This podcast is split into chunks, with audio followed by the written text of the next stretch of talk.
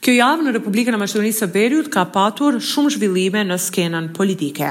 Pas mbledhjes së shtatëqind e pesëdhjetë nënshkrimeve, kryetari i partisë Levica apo e Majta ka dorëzuar sot në Kuvend iniciativë për mbajtjen e referendumit në lidhje me propozimin francez. Kryetari i kësaj partie, Dimitar Apasiev, tha se pyetja e referendumit që propozojnë është juridikisht korrekte dhe nuk pret të ketë obstruksione nga ana e kryetarit të Kuvendit Talat Xhaferi, në të kundërtën paralajmëron bllokadë të tërësishme të Kuvendit. Ai ka thënë se pyetja për të cilën propozohet shpallja e referendumit është, a jeni për vazhdimin e negociatave me Bashkimin Evropian, Me pranimin e konkluzioneve të Kuvendit të gjashtëmbëdhjetë korrikut dy mijë e njëzet e dy, vlerësojmë se një pyetje e tillë e formuluar ndershëm është juridikisht korrekte dhe qëndrueshme dhe nuk presim pengesa. Për më tepër, ndjekim deklaratën e Dimitar Apasiev. Pyetja për të cilën propozohet shpallja e referendumit është a jeni për vazhdimin e negociatave me BE-në, me pranimin e konkluzioneve të Kuvendit të gjashtëmbëdhjetë korrikut dy mijë e njëzet e dy. Vlerësojmë se një pyetje e këtillë e formuluar ndershëm është juridikisht korrekte dhe e qëndrueshme dhe nuk presim pengesa në rrjedhën e mëtejme të procedurës. Deputeti i LSDM-së Nenad Kociq, duke komentuar iniciativën e Levicës, tha se kjo dëshmon se kjo parti dhe VMRO dëshirojnë të pengojnë integrimin e vendit në Bashkimin Europian. Ajo që di është se në Kuvend shumica dhe LSDM votoi për mbrojtjen e gjuhës, identitetit, kulturës. Dhe asgjë nuk cënon identitetin maqedon.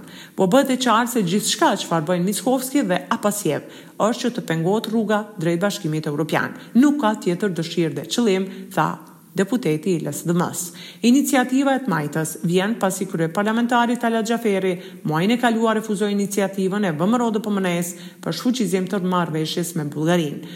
Arsyetimi i Xhaferit ishte se iniciativa nuk është në përputhje me Kushtetutën pasi marrëveshjet ndërkombëtare që ratifikohen nuk mund të ndryshohen me ligj. Në të njëjtën kohë qytetarë të shumtë, iu përgjigjën thirrjes së Levicës për të kundërshtuar hapjen zyrtare të Qendrës Kulturore Bullgare Mbreti Boris i Tretë, që sipas organizatorëve, emri kontravers i qendrës, lidhet me fashizmin. Nuk munguan gjuajtjet me vezë, teksa u detyrua të ndërhyjë policia për të qetësuar situatën. Ne jemi për marrëdhënie të mira fqinjësore, për NATO, Bashkimin Europian, por kërkojmë dorëheqje të menjëhershme të ministrit të Jashtëm të Maqedonisë së Veriut, Bujar Osmani, i cili ofendon maqedonasit, thonë qytetarët. Ne nuk urrejmë askend. Jemi liridashës, gjithkend e duam, ia shtrimë dorën. Me këto aspirata fashiste të Bullgarisë, ne nuk duam të kemi asnjë marrëdhënie. Ne kemi historinë tonë maqedone, kanë thënë qytetarët. Sipas protestuesve, mbreti Boris i tretë i Bullgarisë ka qenë bashkëpunëtor i Hitlerit në Luftën e Dytë Botërore dhe okupator i Maqedonisë. Data e hapjes së qendrës bullgare përkon me katër ditë para ditës së kryengritjes popullore dhe festës kombëtare njëmbëdhjetë tetorit. Viteve të fundit në skenën politike të Maqedonisë dhe Bullgarisë gjithnjë e më të dukshëm bëhen aktorët që angazhohen për rishikimin e historisë Fakteve historike për Holokaustin e hebrenjve të Maqedonisë. Kjo në tërësi është kontradiktore me rezolutën e OKB-së për parandalimin e mohimit të Holokaustit nga njëzet e dy janari dy mijë e njëzet e dy. E përkundër krizës energjetike dhe masave antikrizë të cilat do të publikohen gjatë kësaj jave dhe punës së madhe të qeverisë, kanë vazhduar takime diplomatike. Kryeministri i Qeverisë së Maqedonisë, Dimitar Kovaçevski ka zhvilluar në Pragë një takim dypalësh me homologun e tij grek, Mitsotakis. Ky është takimi i dytë vetëm pak javë pas takimit të parë, kur kryeministri Kovaçevski dhe delegacioni qeveritar ndodheshin në Athinë për takime me qeverinë greke, të kryesuar pikërisht nga Mitsotakis, ku ndër të tjera, furnizimi i pandërprerë me qymyr, për çka u ranë dakord, është një nga temat kyçe. Ky qymyr do të vijë nga minierat e Greqisë në Maqedoninë e Veriut. Gjatë bisedës, dy kryeministrat kanë theksuar edhe një herë rëndësinë e bashkëpunimit në sektorin e energjisë, duke rënë dakord se ka potencial të madh nëse merren parasysh projektet e përbashkëta për ndërtimin e terminalit të gazit të lëngshëm në Aleksandropoli si dhe lidhja e gazit mes dy vendeve.